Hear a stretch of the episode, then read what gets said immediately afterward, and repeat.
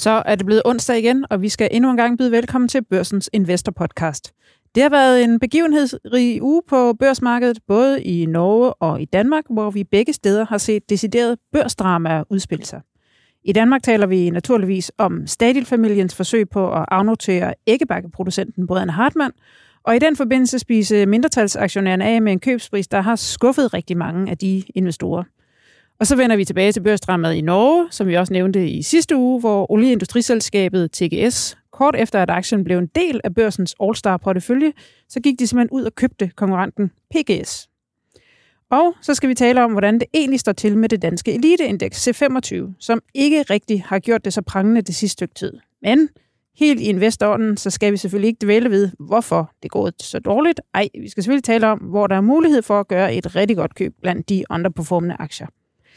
Men øh, først skal vi sige velkommen til vores gæster. Vi har to af de faste i huset, nemlig øh, Ole Søberg, investor og landeansvarlig for Danmark og Norge i Coeli Global. Ole, velkommen til dig. Tak. Tror du, det er tid til at bundfiske i det danske C25-indeks? Uh, det er et super godt spørgsmål. Altså, der, det er jo lige pludselig er det lidt mere interessant at købe lange obligationer eller korte obligationer.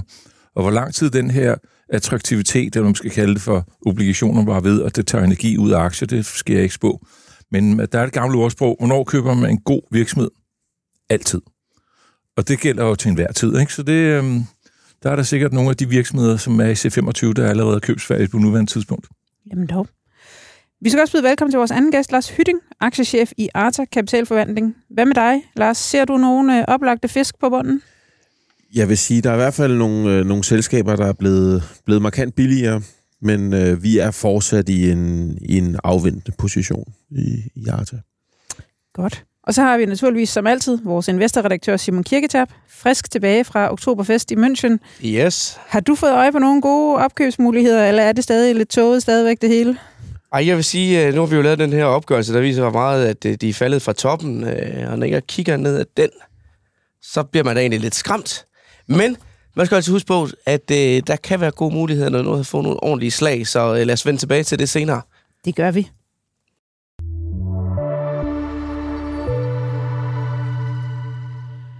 Der har været drama på den danske fondsbørs siden Investor-podcasten sidst udkom. Den danske æggebakkeproducent Brian Hartmann skal måske afnoteres fra børsen. Det er i hvert fald det, som hovedaktionæren Tornico, der er ejet af Stadil-familien, ønsker. De ejer ca. 90, eller 70 procent af aktierne i selskabet, og de har indkaldt til en ekstraordinær generalforsamling, hvor det skal besluttes, om Brødrene Hartmann skal afnoteres fra børsen. Samtidig har de tilbudt, at de resterende mindretalsaktionærer kan sælge deres aktier til Tornico for 300 kroner stykket. Det skal dog lige ses i sammenhæng med, at prisen på en Brødrene Hartmann-aktie, da budet blev præsenteret, var lige præcis 300 kroner. Så der er altså ikke rigtig nogen præmie ved salget. Øh, og det har gjort en del af de her mindre aktionærer lidt øh, gale i skralden. Ole, du er jo selv øh, aktionær i Brødrene Hartmann. Hvordan ser du på, på tilbuddet? Ja, det er alt for lavt. Og det er super nemt at regne ud, hvorfor det er for lavt. Men så kan jeg sige, hvorfor ligger Hartmann-aktien så, hvor den gør? på 300, når jeg kan sidde og sige, at den er lav, og der er mange andre, der siger det. Øh, det er jo fordi, der er ikke rigtig... Det er sådan en virksomhed, som folk investerer i, og så beholder den i overvis. Jeg har købt mine i 2010, og så har jeg sejset lidt op og ned nogle gange.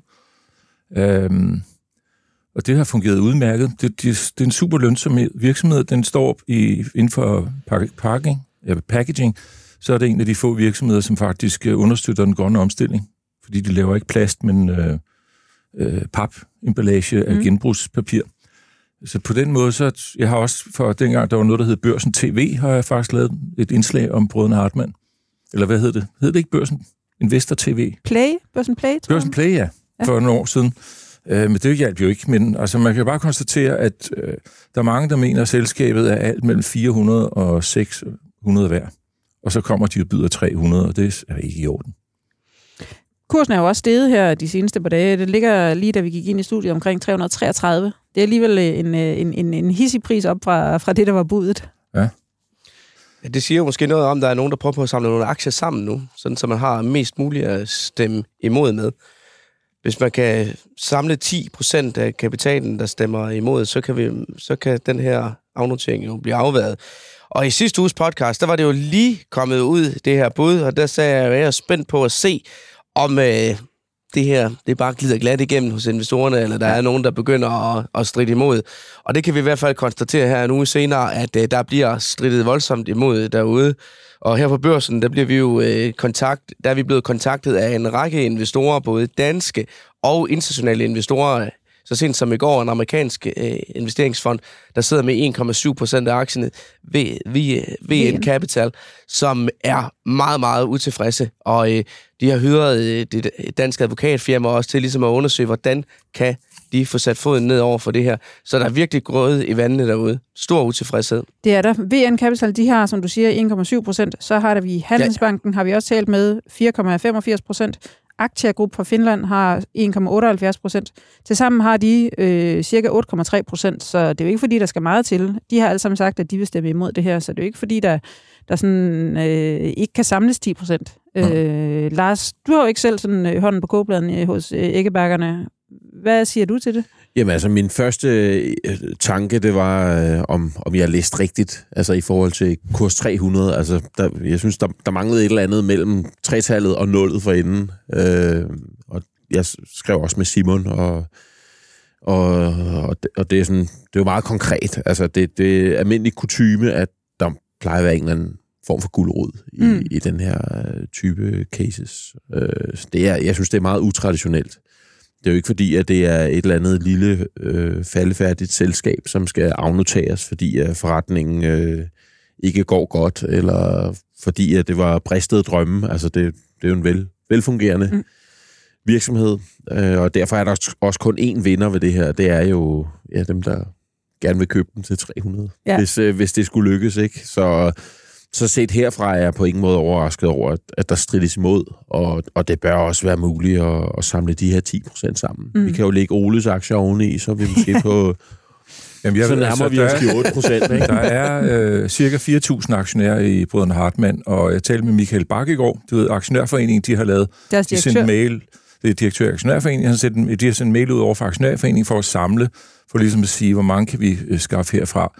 Og jeg ved ikke, hvor mange aktier det drejer sig om, men det var 400, der havde meldt sig ind ja. ud af de 4.000. Så jeg tror, altså hvis man kigger på det, sådan det set udefra, så er det som om, at Christian Stadil slet ikke har fattet, at der var minoritetsaktionærer i den her virksomhed, som faktisk godt kan lide virksomheden og investeret i den øh, individuelt. Og de der slipper der ikke deres aktier til sådan et underbud, når du kan tage en, en øh, lidt kedelig øh, øh, Per, Elopak, eller sådan, og sådan meget bedre drevet, eller lige så godt drevet, men mm. større virksomhed, Hutameki. Og hvis du siger, at Hartmann skal vurderes på samme måde som de to, mm. så taler vi en virksomhed, så skal aktien ikke ligge i de her øh, 300, men tæller på 450 øh, til 600. Det har den vel aldrig rigtig gjort? Ah, jeg har solgt nogle aktier på 600. Okay.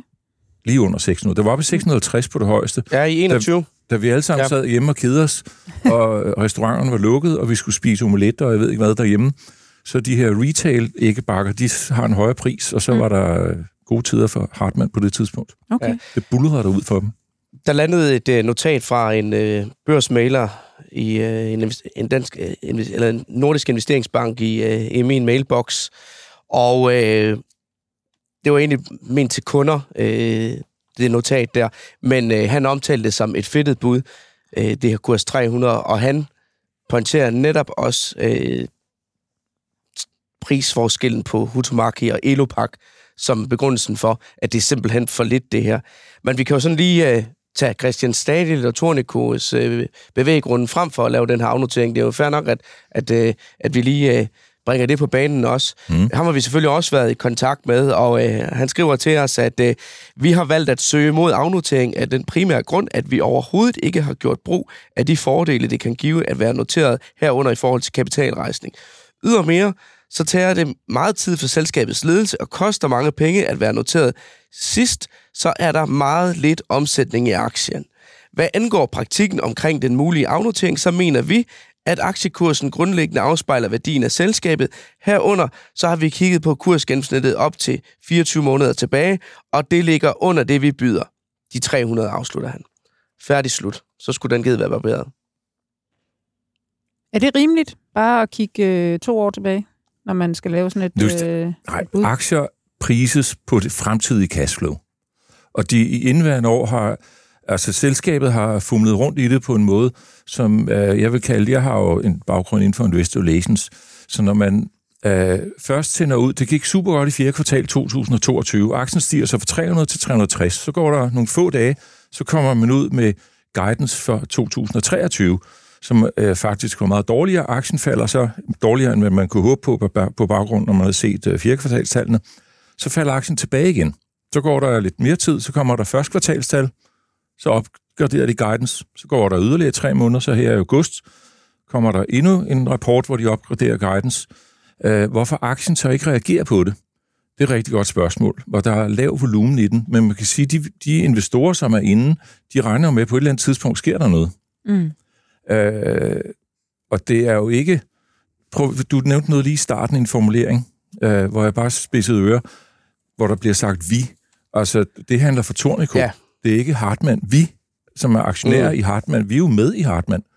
Og øh, i 2007 eller 8, der var Hartmann faktisk ude og samle kapital. De fik 200 øh, millioner kroner, fordi selskabet var lidt i problemer efter en øh, for aggressiv ekspansion. Jeg ved ikke, om Tornico var med der, men de kom ind i hvert fald i, med de her næsten 70 procent for cirka 10 år siden. Øh, så det er noget sludder, det der, at de ikke har haft brug for kapital. Det har de. Og der er nogle af de investorer, som købte det 7 eller 8, 2007 som stadigvæk er med. Men er det kan- den eneste grund til at være børsnoteret, det er, at man, at man sådan med jævne mellemrum skal rejse kapital? Nej, det er noget sludder. Altså, hvornår har Novo sidst rejst kapital? Ja. De er jo stadigvæk børsnoteret. Kunne I forestille jer, at Novofonden en eller anden dag, hvor Novo en eller anden årsag ligger i et lidt lavere niveau i en periode, så siger Novofonden, vi søger om afnotering. Det er da fuldstændig absurd.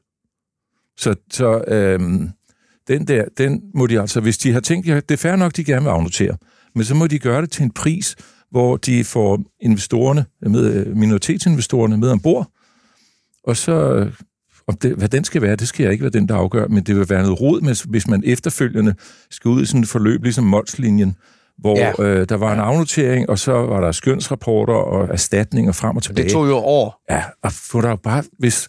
Det kan da godt være, at Christian Stadil og Tony ikke lige har de 600 millioner kroner, eller mere det koster på øjeblikket. Øh, men kom derud og så sig, vi giver det her i stedet for. Mm. Ja, Ole, kan du huske den der sag, der også var med Veloxis, der blev afnoteret for, Ja, hvad er men det, var to, to, tre, fire år siden? den, eller... Øh, men, men hvor at, at der også var meget, meget stor utilfredshed med den pris, der blev givet der. Og det var faktisk også et scenarie, hvor de havde lavet stribe af opjusteringer op til, og så kommer der et øh, japansk selskab, som jeg husker det, og, og køber det af. Øh, og, og det var jo selvfølgelig øh, klappet af med bestyrelsen og andre store aktionærer, men de små blev kørt over. Og der, der er også et lignende øh, søgsmål, der rumler i krone, eller det, man så i Molslinjen. Men det er jo en lang proces, og tager jo år. Så Og jeg ved ikke, at i, i Veloxis var det ikke der, hvor Novo og Lundbæk hver havde 41 procent, det vil sige 82 procent til sammen. det er vist rigtigt. Øh, så den var jo nærmest klappet af fra start af. Så ja, Men, Men... Altså, det, det, vil bare, det er jo meget nemmere for at komme videre på virksomheden, hvis man ligesom får det her øh, styr på det med mm. en eller anden fornuftig øh, pris, og så er det, det kan da godt være, at man ikke skal bruge børsen, men det bliver svært at sige, nu tager vi den af børs, hvis de nogensinde har tænkt sig at komme tilbage igen på børsen. Ja. Det er så. Og man må sige, at fronterne de er virkelig trukket op til børsdrama her. Vi, nu har vi talt meget om, hvad der sker på investorsiden, og hvor meget øh, de har været ude og, og øh, forsøge på at barrikadere sig her, og vi kan også se kursen, der kører op. Men der kom jo også en bemærkelsesværdig øh, meddelelse i går, hvor det blev oplyst, at Tornico de havde købt 7.685 aktier torsdag sidste uge, lige under kurs 300. Så det kan godt være, at investorsiden samler aktier op, men det har Tornico i hvert fald også forsøgt at gøre under det her købstilbudskursniveau. Ja. Men de må kun, med det, der er sendt ud, så må de kun købe under kurs 300. Jo, men, Men det vil jo også sige- være næsten direkte at gå ud og sige, at vi giver for lidt for det, hvis de er villige til at betale øh, mere end kurs 300 ja. i markedet. Men man kan også sige, god investor relations, så øh, du ved Tornico ved udmærket godt, de har købt de aktier i torsdag, så, ikke? Så sender de det ud tirsdag. Ja. De kører den lige præcis inden for, hvad der er juridisk korrekt, nemlig tre, øh, hver, øh, hvad hedder det? Hver dag. Hverdage. Ja. Øh, så den holdt. Men det, det er trods alt fem dage, og så lang tid tager det altså ikke siden. Det er jo den der ensides fondsmed, fondsbørsmeddelelse eller selskabsmeddelelse, at få den sendt ud. Simon, kan du ikke lige prøve at rise op, hvad er det egentlig? For der er jo to dele til det her. Der er afnoteringen, og så er der købstilbuddet. Ja. Hvad sker der, hvis de bliver afnoteret, men ikke øh, med, med de aktionærer, der så ikke har solgt? Mm. jamen så sker der jo sådan set ikke så meget andet, end at øh, de får gevaldigt svært ved at handle de aktier her. De bliver jo låst uden for børsmarkedet. Og hvordan sætter man så en kurs, når aktierne skal handles der, og hvor finder man i det hele taget en køber? Så øh, hvis du ligesom tager med på den rejse der, så skal du i hvert fald være bevidst om, at øh, det er nogle aktier, du potentielt kan komme til at ligge med for altid. Så skal du være en glad Hartmann-aktionær. Men der er jo også mange fonde, der har som formål udelukkende at investere i børsnoterede aktier. Så selvom at de så på papiret øh, har muligheden for at blive i aktien, så er de, øh, så er de nødt til at, at, De at, at skifte. De har ikke mandat til at ligge med aktierne. Så øh, Det lyder Og, rigtig og svært. rent øh, regnskabsmæssigt, så lad os sige, at, at, øh, at, at, at bliver stemt igennem en afnotering, men så er det så 15 procent af aktionærerne vælger at bare blive siddende med deres aktier. Så kommer Tornico ikke over 90 procent, og det vil sige, så kan de ikke cashflow-konsolidere. Så de penge, der ligger nede i kassen, er ikke deres på nogen måde. Det er Hartmann, brødrene Hartmann-selskabets penge, og de aktionærer, der er med der. Så eventuelle kreative idéer på, hvordan man ordner det her efterfølgende, det vil de så skulle have, øh, det vil der være ekstra bevågenhed på for de aktionærer, der sidder med i bunden videre. Spændende, spændende. Lars, en sidste bemærkning på det her emne. Har du et bud på, sådan som med udforstående, du har hverken skrevet om det, du ejer ikke nogen aktier. Hvad skal den koste, den her? Øh, jamen, man plejer at sige en præmie på en, en 20 procent ish. Altså, jeg synes, vi skal... Jeg, jeg tror, at dem, der ligger og, og kører aktien op her, det, det er jo ikke, fordi det er de store volumener. Jeg ser det ikke som, at det er nogle nuværende aktionærer, der prøver at øge deres beholdning. Det er simpelthen bare en form for spekulation. Øh, og, og lidt en, en tro på, at der kommer måske et modbud. Altså, jeg, jeg, jeg synes, at hvis, hvis Stadil-familien mener det her seriøst, så... Øh, altså så få strikket et ordentligt tilbud sammen, så vi kan slippe for alt det her unødige dramatik og fnider, øh, og, og bare komme videre. Stille aktionærerne et, et, et ordentligt, øh, en ordentlig pris i, i udsigt, øh, så vi ikke skal, skal igennem det her. Altså det, det er lidt øh, absurd, synes jeg, at sige, I kan sælge til os på 300, eller i markedet på 300. Altså, hvad med, at man kunne sælge til jer på 390 eller et eller andet, og så, øh, så må I betale den pris, det nogle gange er. Og så kan selskabet blive afnoteret, og så kører vi videre derfra. Mm. Øh, men det er nok så noget, jeg, jeg vil tro, vi skal op i. så kan man spørge Ole, vil du så sælge på 390, når det er det, Lars foreslår? Det kommer an på omstændighederne på det øh, tilbud. Men 20 procent op på 300 er altså kun 360. Og det er jo Ja. ret langt under, øh, hvad, hvad, øh, hvad jeg lige indikerede før, bare på, hvad, hvad Pierce ligger og handler på. Ja. Og hvis du tager amerikanske packaging-selskaber, så ligger de på 14 gange øh, i evigt. Og på den måde, så, så ligger du væsentligt højere. Så lad os se, om måske nogle af de øh, udlandske, eller ikke-europæiske og, og måske amerikanske, asiatiske øh, packaging-virksomheder, om der er nogle af dem, der lige pludselig synes, det her ser interessant ud, vi, vi kunne da godt tænke os at købe en andel i det her.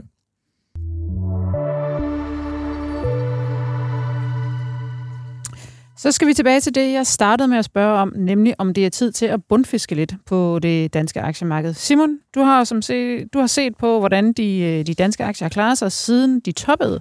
Ja, Øh, og vi har en hel række af selskaber, så kunne være pot- potentielle kandidater, hvis man er i markedet for en god handel. Ud af de 24 selskaber i indekset, så har ni aktier mistet mere end halvdelen af deres børsværdi, væ- børsværdi siden toppen. Det er Ambu, det er Bavarian, det er Ørsted, det er Gen Stor Nord, og AP Møller Mærsk, B-aktien endda. Øh, kan du ikke fortælle lidt om det? Jo, altså øh, til 25-indekset, det toppede jo i november 21, og når man bare ser isoleret på, hvor meget er indekset nede med, så er det nede med 15,6 procent. Det lyder jo ikke øh, sådan så voldsomt endda, men under overfladen, der ruller altså en meget markant og voldsom aktiekrise, vil jeg sige, i de største danske børsselskaber. Og det er jo meget sjovt, fordi vi har jo i mange år hørt det her med danske aktier, det er høj kvalitet, de eftertragtede udenlandske investorer, men der er altså en meget markant gruppe af de her aktier, som har fået nogle meget, meget store kursstryg, når vi ser på, hvor meget de respektive aktier er handlet ned fra deres topniveauer. Altså, vi har tre aktier, der er nede med over 70 procent. Ambogen, Store Nord, Ørsted. Vi har Netcompany, dernede 67 procent. Bavaria nede 60. ISS 52. Rockwool 52. Vestas 51,5. og også AP Møller Mærsk er nede med over 50 procent på børsværdien fra de toppede. Så ved jeg godt, at den sidste case er, at de har så også udbetalt et øh, meget markant udbytte i perioden, men faktisk, selvom man så regner det med, øh, og der er udbetalt øh, 6.800 per aktie, så har man, øh, så har man tabt øh, 24, næsten 25 procent og næsten 20 procent på henholdsvis A- og B-aktien. Så selv Mærsk, hvor pengene er fosset ud af, med en dårlig timing i den, så har du altså også tabt stort. Så jeg må sige, når jeg ser de tal her, jeg synes, det er øh, for mig overraskende, at det, det står så gralt til, og man har virkelig kun blive kørt over i selv nogle af de her danske eliteaktier. Lars, du sidder jo med de danske aktier. Hvordan, øh, det lyder jo ikke så rart. Ej, det har ikke været sådan prangende, øh, hvis vi skal tage den hat på. Øh, altså, det kommer an på, hvor meget historik vi tager med, fordi danske aktier var jo i, i særklasse øh, under øh, covid. Øh, der, var, der var et par år der, hvor øh, at vi outperformede alt og alle, men, øh, men siden øh, så, så er situationen da også vendt 180 grader. Og jeg synes godt nok, at specielt øh, sidste år og i år, der, der har det ikke været prangende. Øh, nærmest i, altså, i en en-til-en sammenhæng med det her med, med rentestigningerne. Mm. Mm. Øh, det, har, det har danske aktier godt nok kunnet mærke. Og, øh, Hvorfor? Jamen, øh, ja. Du kan jo vente om at sige, at, at der, hvor det gik bedst, det var, øh, hvor renterne var negative, og, øh, og der ikke var nogen inflation. Øh, og, og nu er vi jo hoppet over i den, i den direkte modsatte øh, retning. Øh, altså, højere renter er aldrig positivt for aktier. Men at, at det skulle være så hårdt for, for danske aktier, det, øh, det kommer bag på de fleste. Mm. Og, og, og vi, det er lidt Novo, der også holder hånden under øh, I et den grad. indeks, ikke? I den grad. Øhm, Fordi Novo har siden C25 toppet og faldet de her 16,5 procent. Der er Novo steget 78 procent i perioden. Og Novo fylder jo 20 procent af C25-indekset. Så havde det ikke været for Novo, så havde tæppet jo været trukket væk Ja. under indekset. Ja, det har, øh, det har ikke været sjovt, hvis du hoppede, hoppede på øh, hen mod slutningen af, af covid. Nej. Øh, så, så kan Men- det godt have været... For nu ikke at sidde hårdt. og græde og, og, og, og, og, og kigge ned i kaffegrums og spørge, hvorfor gik det så galt, så skal vi kigge fremad. Altså, er der noget nu her, hvor det er så lavt, at det simpelthen øh, det kunne være en god købsmulighed? Jamen, der er flere. Der er flere selskaber, der er rigtig interessante, og kun er blevet endnu mere interessante. Øh, og som Simon også sagde indledningsvis, øh, danske aktier har haft ry for at være det her kvalitetsselskaber, som også, øh, som også var dyre. Men altså, en BMW er også dyrere end en Skoda, og alle de her argumenter, som vi kan, kan smide på bordet. Øh, men nu er BMW'en altså også blevet billigere. Øh, Navne, Lars, vi skal have nogle navne. Altså man kan jo sige, at vi har jo to af dem i vores øh, All-Star-portefølje her i podcast, og dem har du øh, købt ind, øh, øh, her Høding. ja, har Øh, godt nok GN Store Nord ISS. Ja. Så, øh, så forhåbentligvis er de der stadigvæk gode køb. Jamen, jeg synes, at begge er, er to øh, gode selskaber, men, men det er ikke altid, at...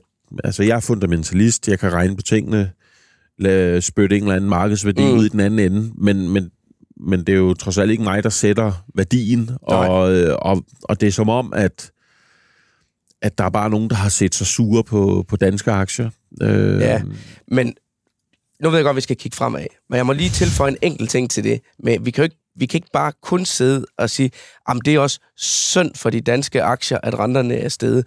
Der er altså også en række selskabsspecifikke ting i de her øh, aktier, der, der virkelig har været faldhøjde i, som gør, at, at de har fået, fået tæsk. Altså, Ambo udråbt som ekstremt lovende, velindtjenende vækstaktie, har skuffet på deres vækst og leveret talrige nedjusteringer. Vi har GN Store Nord, som foretog det her opkøb af SteelSeries gældsfinansieret for 8 milliarder kroner på stort set det værst tænkelige tidspunkt. Renterne de er hamret op siden.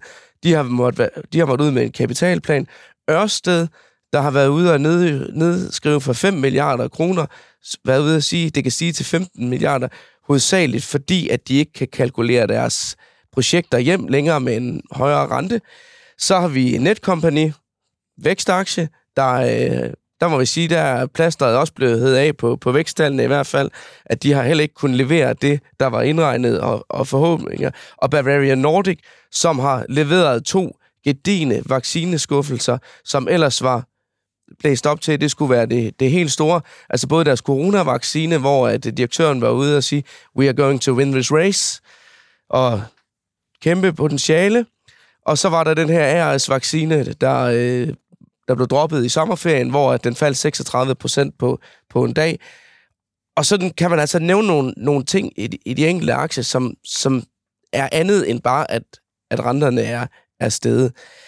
Men et selskab, som jeg i hvert fald har bemærket, sådan fremhævet flere steder som en mulig købskandidat på de her niveauer, det er Netcompany. Og jeg tror også, jeg selv kom for skade at nævne den i en podcast tilbage i januar, hvor vi tog fat i tre aktier, der var faldet meget. De kom så med en skuffende guidance for 2023 der, som så gjorde, at den faldt vist 20 procent yderligere, fra, fra jeg kom til at sige det. Men øh, der havde vi også for et podcast udgaver siden, hvor Johannes Møller fra MV Compounders havde været ude og samle op i den. Så øh, det kunne jo være en, en, et muligt bud som et, et, et discountkøb på de nuværende kurser. Hvad siger du til det, Ole? Jeg føler ikke Netcompany, så det siger jeg ikke så meget til. Men sådan generelt set, øhm, så er, er det, der har trukket, det er jo indtjeningsskuffelser. Ja. Og så i nogle andre tilfælde, sådan en som Ambus, så er det både indtjeningsskuffelser plus en kæmpestor øh, valuation contraction.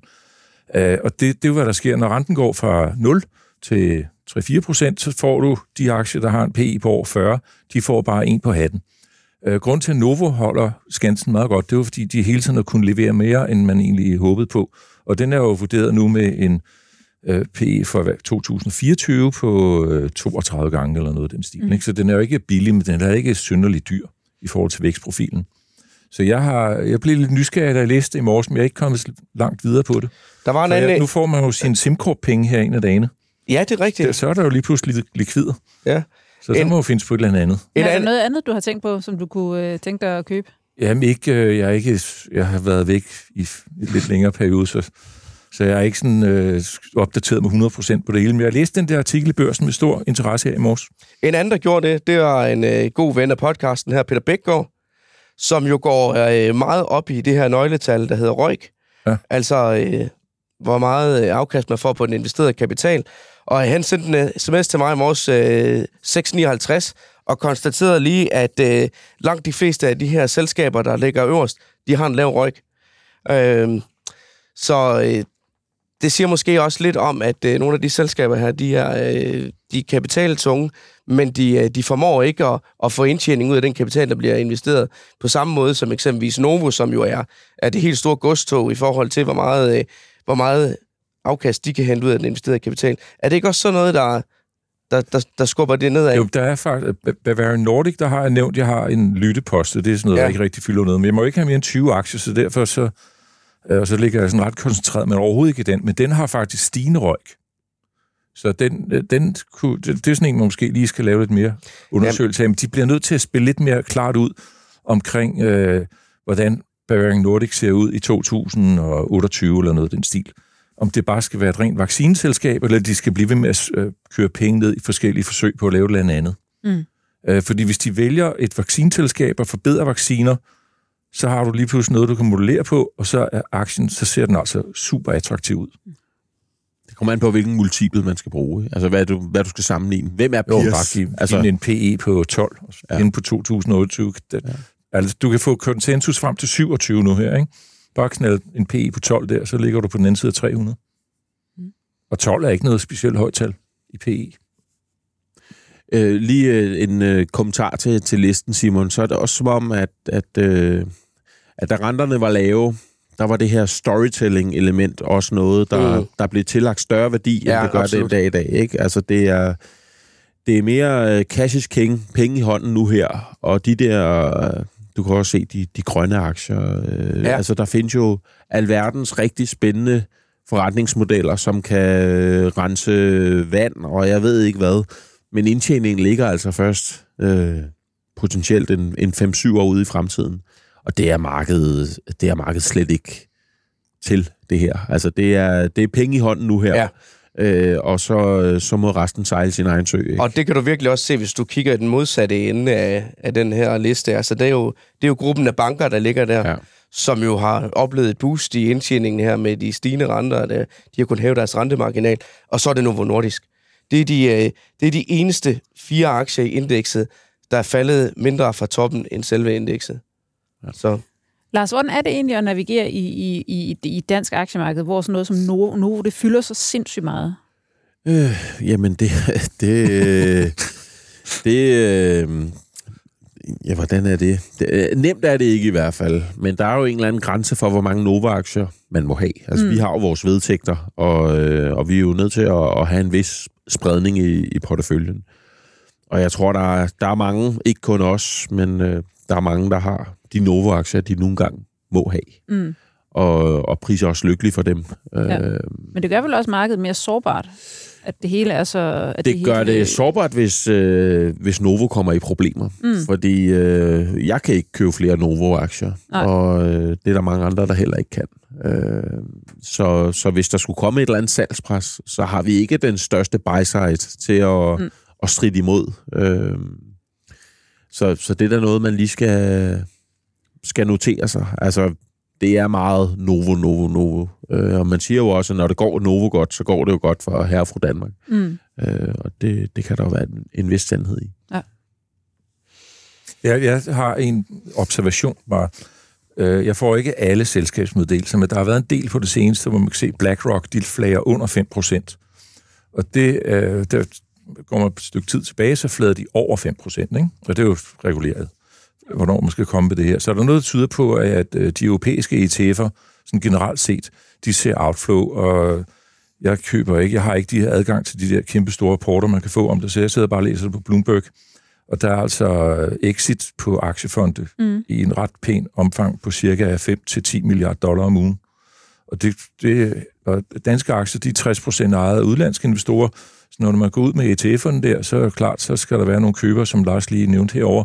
Og de danske pensionskasser og private investorer og hvad der ellers findes af køber, de har faktisk en rimelig vægt af danske aktier, så Mm. derfor er kurserne øh, alene på udbud efterspørgsel øh, tenderende til at køre nedad for øjeblikket. Så det er ikke kun fordi selskaberne selv har måske har ikke performet, som de skulle. Det er også simpelthen bare noget mere strukturelt, at, at der er et outflow, fordi måske afkastene i obligationer er blevet så meget bedre, at det er mere attraktivt. Og der er tilsvarende at der er ret stor inflow i, i øh, pengemarkedsfonde. Det er ikke noget, vi har i Danmark, men det findes i udlandet. Det er de Og helt kan man- korte. Ja, helt kort, for du lige pludselig på det amerikanske pengemarkedsfonde for over 5% i rente nu. Spændende. Men jeg synes ikke rigtigt, vi kom det nærmere med, hvad det var, man skulle købe. Det er jo ligesom derfor, vi er her. Ej, jeg sagde da lidt Øh, omkring Bavarian Nordic, Det er rigtigt. men altså, folk må selv lave deres egen research på selskaberne, og, historikken i Bavarian, Bavarian Nordic er jo ikke god. De har jo lovet guld og grønne skove, og hele tiden skal de ud og hente penge.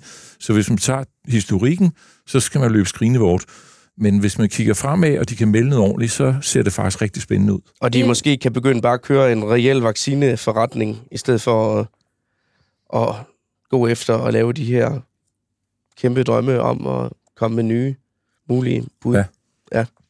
Det er da i hvert fald en af dem, der har benyttet sig af børsmarkedet. Det må man sige. Til brødrene Det, det, Hartmann. da, det- vi, da vi lavede den der øh, artikel om Novo, hvor jeg sagde, at, at det var nærmest et textbook-eksempel på den der bog, der hedder Profit from the Core af Chris Suk.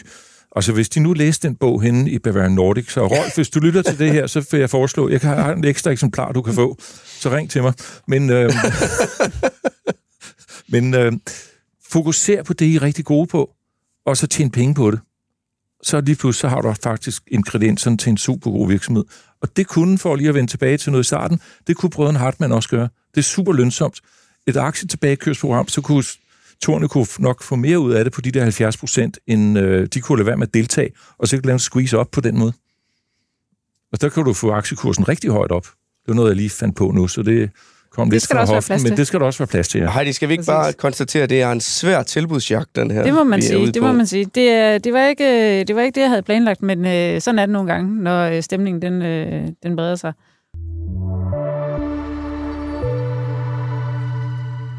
Men vi skal nemlig også øh, forbi børsens All-Star-portefølje, øh, og der skal vi tilbage til det norske børsdrama. Øh, Ole, vil du ikke fortælle lidt om det her olieindustriselskab TGS og deres opkøb i PGS? Og, og der er mange forkortelser her, men hvad er det, der foregår? Nå, jeg skal lige gøre det helt kort. Øh, jeg valgte at sælge, det, det er jo ikke et langsigtet portefølje, det gælder om at tjene nogle penge til et godt formål. Øh, Så jeg valgte at sælge Hexagon Composite efter den har vel givet et afkast i nærheden af 60 procent, eller Ja, noget, hvis man regner det der virkelig, med. Ikke? fantastisk godt afkast, Øh, det må man sige, på kort tid også. Og så tænkte jeg, hmm, det der, øh, der var et aktietilbagekøb, det stanser, der har været hånden under aktien, den forsvinder, så den er også faldet lidt efterfølgende, ikke særlig meget. Så tænkte jeg, hvad ser ellers godt ud? Olieprisen, som I sikkert har bemærket, den har snedet sig op fra 60 dollar til 90 dollar i løbet af de sidste øh, fire måneder.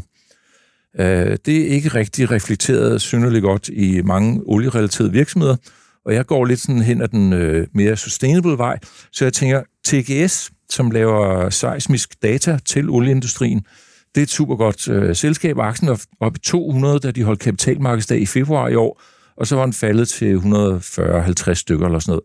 Da jeg sender sms til Simon, siger, at vi bytter Hexagon over i TGS. Og det tænkte jeg, det var da genialt.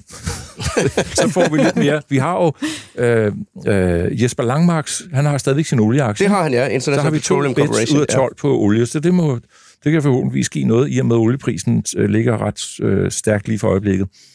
Så går, var det søndag, var mandag morgen, så kommer der en melding fra TGS, at de øh, laver et aktiebytte med PGS.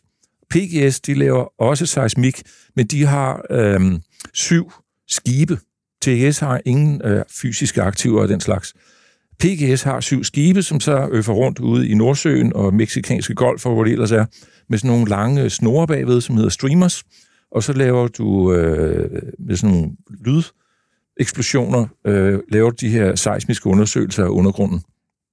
Og T- PGS har for meget gæld, og historikken til den, den er ikke specielt god. Hvis man tager en aktiekurs, fordi der har været så mange udvidelser og kapitalredninger, så tror jeg, den har den ligger over 400 i, på det højeste på ens kurschart, og lige for øjeblikket ligger den, hvad ligger den i, 10 eller sådan noget, ikke?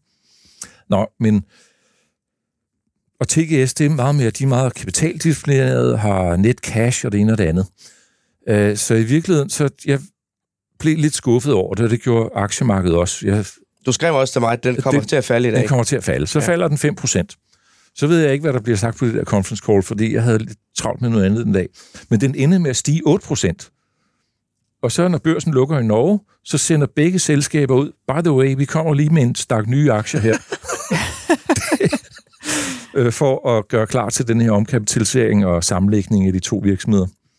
Øh, Så indtil videre så har jeg valgt at beholde den.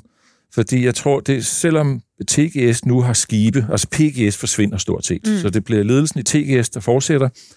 Øh, jeg kender Christian, fordi jeg sad i, jeg var i valgkomiteen i TGS i to år for en 8-10 år siden. Nej, 10 år siden efterhånden. Ikke? Så jeg kender forretningsmodellen rigtig godt, og dengang var Christian, som er CEO i dag, han var CFO. Øh, og jeg synes, det har været en god virksomhed, men jeg har ikke rørt den i lang tid, indtil jeg faktisk begynder at få færden af, at oliepriserne kan stige. Så tænkte det kan da godt blive sjovt. Mm. Og, så, og det, olieprisen er ikke begyndt at falde, og der kommer faktisk, fordi vi ikke har let efter olie på offshore, som er cirka en tredjedel af al olie, der bliver produceret, så er begynder der at være for lidt offshore-olie. Øh, så jeg tror faktisk, der kommer mere fart over feltet i at finde mere olie i de felter, der allerede er øh, fundet og skal producere mere. Og så er der de nye felter nede ved Namibia, som ligger ude i vandet, som også kan give nogle kæmpe muligheder fremadrettet. Øh, Det lyder som et lidt mere langsigtet projekt. Ja, det bliver det jo, når der sker sådan noget der, og vi kun har hen til slutningen af året. Men lad os nu se, hvad der sker øh, de kommende måneder med olieprisen, og om der ikke kommer nogle positive meldinger fra TGS. Mm. Men man må sige, at vi har fået en god rystetur i den aktie indtil videre i hvert fald. Ja, vi kan ikke have tabt så meget. Nej, vi har, øh, vi har tabt øh, marginalt på den 2,8 procent i det Det er jo ligesom markedet, så det, Så- det går nok. Hvad med dig, Lars? Er der noget, du øh, vil have byttet ud? Nej, jeg, jeg synes ikke lige, det er det rette tidspunkt. Jeg synes godt nok, mine, mine to cases... Det er ikke, fordi jeg, jeg er på ingen måde blevet mere øh, negativ på nogen af dem, men det har været en... Øh, det har ikke været sådan en super prangende sommer her. Øh, det, det, jeg synes godt nok, det har været en hård medfart for, for begge. Nu Mhm. spurgte du efter øh, kandidater til købslisten. Jamen, øh, jeg er i hvert fald ikke blevet mere negativ på nogen af dem. Øh, Og det er både GN og ISS, vi Ja. taler om her. Ja. Øh, så det kunne da også være noget. Altså, jeg synes stadig, det, at der bør være meget mere at komme efter. Øh, nu endnu mere. Og endnu mere. Øh, ja, det, det, har været lidt, det har været lidt tungt. Ja, særligt GN Stornår, den har vi i høj, høj, høj grad virkelig fået en, Ja. en rystetur i. Ja. du blev jo, øh, du formåede jo virkelig at fange den øh, ned omkring bunden der sidste år, da vi købte den ind øh, på kurs øh, 127. Og så gik det jo ellers over stok og sten, og det var vores bedste aktie i porteføljen i en lang, lang periode. Og var den ikke op øh, næsten at snuse til kurs 180 eller øh, noget Og af den vi har været deroppe. Ja. Og så kom de med det her kapital øh, udvidelse, som jo også var et børsdrama, hvor det en række investorer gik ud og sagde, det er helt galt, at de vil hente øh, så mange penge på én gang, og de måtte rulle det tilbage og lave en alternativ plan. Og, og de, øh, altså de gisper noget efter, øh, efter vejret, og aktien er jo så faldet ned under vores købsniveau igen. Den er nede i, i 123. Ja. Hvad, hvad har newsflow været? Altså, de lavede den der mindre kapitaludvidelse på 160 Ja, eller noget. det er jo fordi, man, man sammenlægger de to divisioner, audio og, Ja. ja. og hearing. Øh, dem, dem sammenlægger man nu øh, Men er det så værdiudlæggende? Øh, n- øh, nej, det er det ikke, men, men omvendt så øh, er man øh, så stopper Gitte Åbo. Øh, så det, det, er en Tidligere helt, topchef. det er en helt Ja. ny ledelse. Det er Peter Karlstrømer, som nærmest lige er kommet til. Han er ny head CEO, og så er det Søren Jelert, som er ny- CFO. Ja, han kommer op fra alt. Ja, men er det, er okay. stadig, en- det er stadig en helt ny ledelse. Øh, altså, hvis du går halvanden år tilbage, så var det René Svendsen Tune og Ja. ja. Gitte Åbo og, øh, og Per Vold, der var, var øh, de tre øh, ledende skikkelser. Nu er det en helt ny situation. Øh, og mens man samler divisionerne. Og, og det, at du samler dem, det er ikke værdiødelæggende, men, men hvis der var nogen, der havde en eller anden forhåbning om, at Hearing skulle sælges, så er det i hvert fald den, der har fået dødstødet. Øh, så den er lige, der bliver lige samlet kræfter engang. Øh, og øh, altså alt imens kører kapitalplanen, som den skal. Øh, der skal ikke øh, laves nogen større kapitaludvidelse eller lignende. Altså jeg synes sådan set, at man gør de fleste ting rigtigt. Men øh, der er også noget makroøkonomisk. Øh, står vi på tærsten til noget, noget recession, eller gør vi ikke? Øh, og Ja. GN er jo afhængig af at, øh, at kunne sælge Men- Men, nogle produkter. Men det er klart, at den sammenlægning, den har taget en masse spekulationer ud af aktien. Ja. Spekulationer om, at det kunne generere noget værdi lige nu og her med et frasalg. Og så havde vi jo det her med William Deman, den vest, der købte op i aktien mm. sidste år, og købte sig til en post som stor aktionær, med, hvad er det ikke, over 10 procent?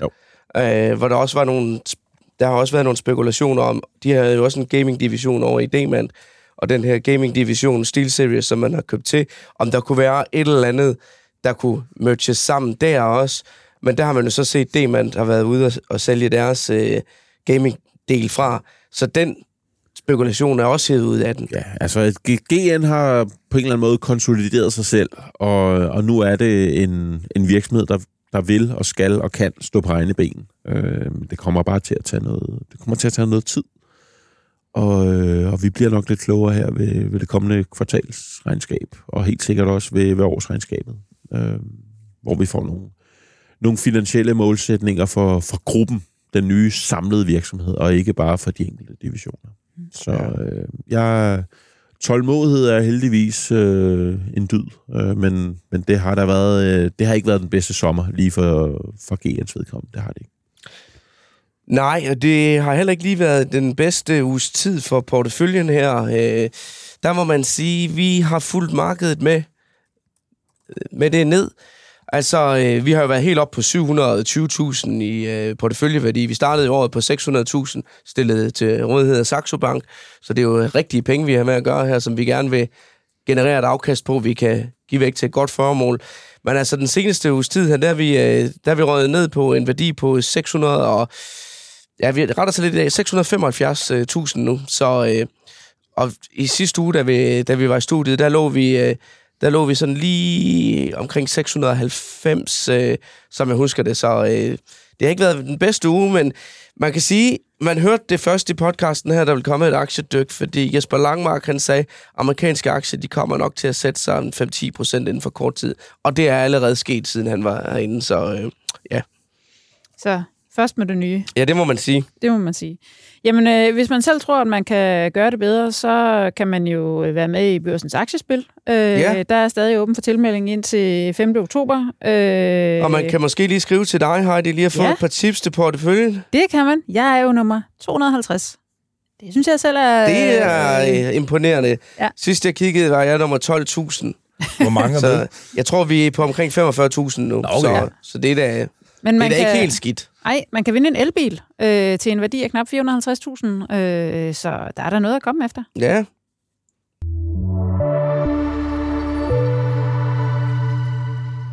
Det er slut for denne gang. Vi vender tilbage i næste uge, og hvis du har ris eller ros, så send det gerne til os på mail. Øh, det er investor Så gør vi, hvad vi kan for at lave en endnu bedre podcast i næste uge. I studiet i dag, øh, Ole Søberg, tak fordi du kom. Tak. Aktiechef i øh, Arta, Lars Hytting, og Simon Kirketab, som altid. Øh, Peter Emil Witt stod for teknikken, og mit navn er Heidi Birgitte Nielsen. Tak fordi I lyttede med.